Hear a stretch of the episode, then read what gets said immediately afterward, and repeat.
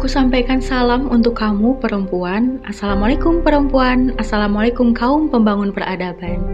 Entah berapa banyak di dunia ini yang sangat bersyukur dilahirkan sebagai seorang perempuan, atau mungkin sebaliknya. Tapi ku harap yang mendengarkan ini adalah kamu yang bahagia bahwa kamu adalah perempuan.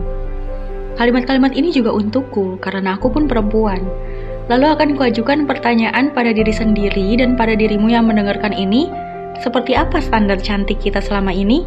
Apakah dengan make up, dress up, glow up, atau gelar pendidikan tinggi hingga mendapat posisi baik dalam berkarir?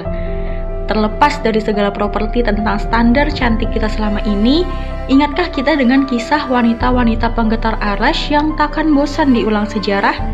Standar cantik bagi mereka adalah mendapat kemuliaan di sisi Allah Ta'ala. Tidak mendapat kesenangan dunia bagi mereka bukan masalah. Bahkan Aisyah binti Abu Bakar sampai lupa menyisakan uang untuk dirinya sendiri demi tidak ingin bercinta dengan dunia. Nusaibah binti Ka'ab merelakan dirinya terjun ke medan perang untuk membela agama Allah meskipun taruhannya adalah nyawa. Siti Masyitoh, sang tukang sisir putra Firaun, merelakan raga dirinya dan keluarganya tergerus minyak panas demi membuktikan kecintaan yang luar biasa pada Rob semesta alam. Hingga harum kuburannya merebak sampai angkasa. Sumaya binti Khobat menerima siksaan, pukulan, tusukan, dan cacian bertubi-tubi demi mempertahankan keislaman hingga gugur menjadi syahidah pertama. Bentuk perempuan seperti kita yang hidup di akhir zaman, sampai di mana level kerelaan kita untuk ketaatan?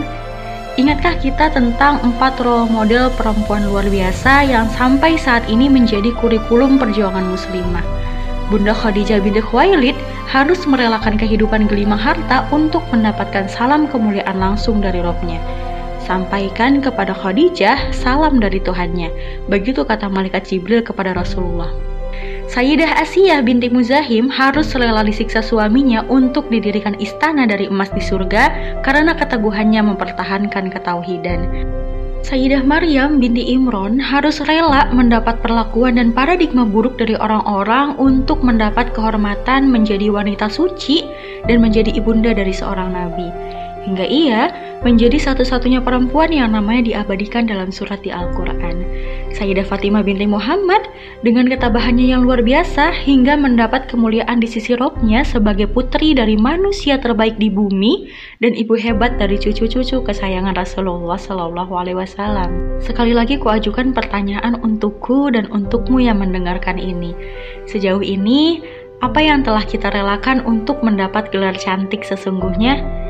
Andai kita berderma berharap mampu menyaingi dermanya Bunda Khadijah, tapi sayangnya terkadang kita masih enggan mengeluarkan seperempat gaji kita untuk disedekahkan.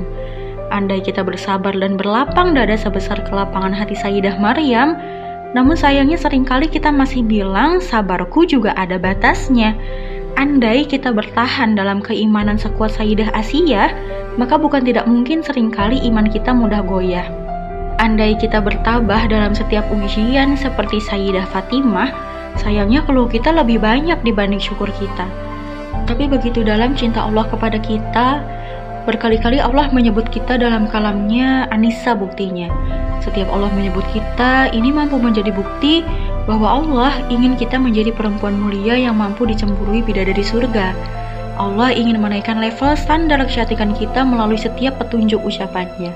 Kalau begitu, Sampai detik ini sudah sampai di mana langkah pembuktian ketaatan kita? Apakah selama ini standar cantik kita masih berorientasi pada sorotan dunia? Apa kita sudah memberikan kemampuan yang kita punya untuk berjuang meraih kedudukan di sisi Allah dan Rasulnya? Kecantikan kita, akal kita, pendidikan kita, karir kita, kelemah lembutan kita, perasaan dan hati kita, apakah sudah tertuju untuk menjadi standar cantik versi Bunda Khadijah Asiyah, Maryam, dan Fatimah, mari kita sama-sama berjuang. Memanfaatkan apa yang kita punya, memberikan apa yang kita mampu untuk menabung amalan. Berharap kuat dan merindu, kelak bisa dikumpulkan dengan wanita-wanita hebat penghuni surga. Kuharap rangkaian kalimat sederhana yang sedang kamu dengar ini akan jadi pemantik jiwamu untuk terus bernafaskan perjuangan mencari kemuliaan sesungguhnya. Selamat berjuang, selamat menebar kebaikan.